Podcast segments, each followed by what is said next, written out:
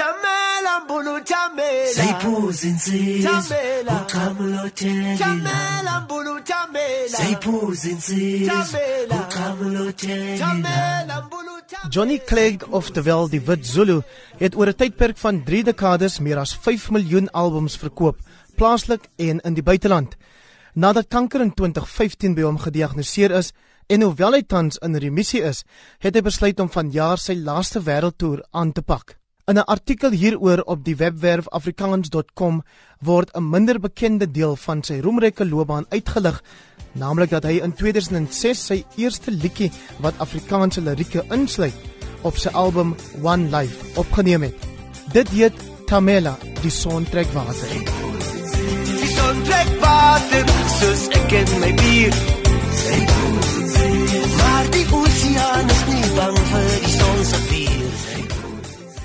Andries Besuidenhout is 'n sosioloog, visuele kunstenaar, digter en musikant. Ek dink wat die Afrikaanse musiekmark is die grootste mark wat daar is. So in die eerste plek is enige kunstenaar met 'n goeie besigheidskop sal verstaan dat die Afrikaanse musiekmark 'n belangrike een is, maar ek dink nie mense kan Johnny Clegg op so siniese wyse beskryf nie. Hy's iemand wat nog altyd brûe bou tussen tale en tussen mense in Suid-Afrika. So ek dink is eintlik wonderlik dat een van Suid-Afrika se grootste en belangrikste musikante en sangers wat primêr Engels en in Zulu sing dan ook iets in Afrikaans gedoen het.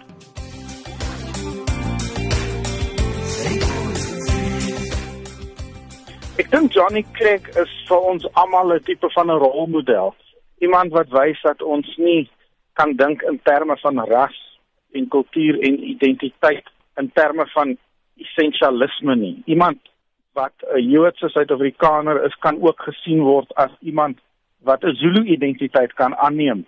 Ja, ek weet nie, dis 'n dis 'n voorbeeld vir ons almal om te wys hoe mens in praktyk brûe kan bou. Maar as 'n mens brûe wil bou, beteken dit 'n mens moet seker wees in jou eie identiteit en daai seker wees in jou eie identiteit beteken dat jy ander kulture ook in diepte kan leer ken en dit jou eie maak. Ek is nog altyd 'n 'n baie baie groot aanhanger van Johnny Clegg en ek is vreeslik opgewonde want uh, oor 2 weke gaan ek hom in Nederland sien optree uh, as ek ook toevallig daar is.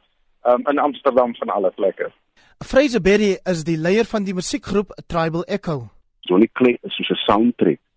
'n Suid-Afrikaanse soundtrack want ons was ons was bybewus van die struggles as kinders en hy was vir ons aangemoedig om te sê hoor luister na na ons mense wat ons eie klank maak en Johnny Clegg het daai daai grense oorgesteek het en hy het gegroei waar hy was en hy het aangeneem het en en het geleer van ander kulture. So en so dat hy hy weet hy is, die van die Suid-Afrikaner. En ek dink vir my as 'n kunstenaar hy is hy hy skiet vir my ligjare vorentoe. As ek dink aan Johnny Clegg inspirasie dat eh uh, die ou het ek gebly aan aan sy wortels jy weet. En hy het hy Suid-Afrikaanse musiek op 'n ander platform gesit. So ek gou nog gebruik van daai die in in die in in van die Suid-Afrikaanse gevoel in die breë wêreld se musieklandskap en hy gee vir my nog 'n mooi so ja groot inspirasie van die plek om ons het ons die kans gehad tribal echo om met hom op te tree by woordfees en dit was net een van die wonderlikste ervarings ooit Anton Goosen is bekend as Afrikaanse liedjieboer. Johnny Clegg is vir my een van die grootste musikale ikone en invloede in ons land. En met die werk wat hy gedoen het van in die 80s met Jaluka en later met Javuka en sy en sy eie werk. En ek onthou met musiek en liriek uh, het ons hom een keer ingekry om te kom help die konsertina spelery op uh, op een van die sang dat hy kan verduidelik vir die speler wat, wat ons wil hê. Een van die mooiste stories van Johnny. Ek kyk Johnny, ek het hom 'n paar keer ontmoet en what you see is what you get. Uh, 'n wonderlike iemand. Maar die een van die mooiste stories vir my is in Parys gewees toe hy 'n show daar gedoen het en Michael Jackson was ook in die dorp. En die belangstelling vir Michael Jackson was so swak geweest dat hulle moes die die show afskakel, afstel.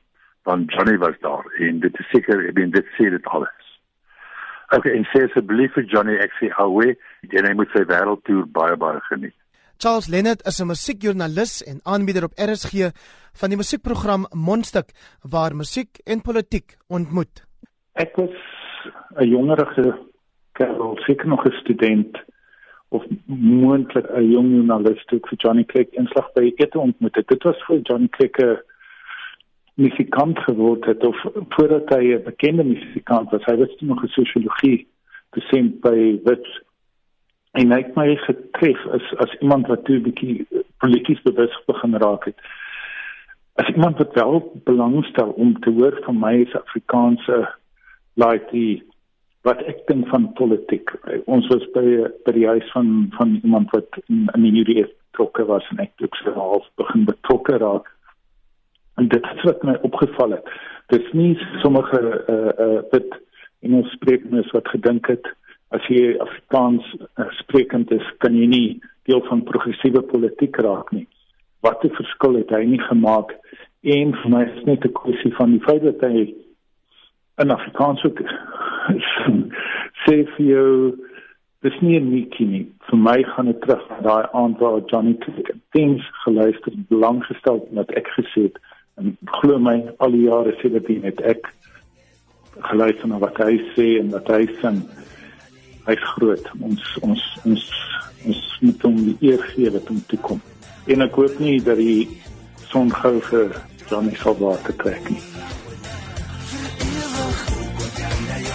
My bridges go in it for out. So stay kalari hout. Maar herinner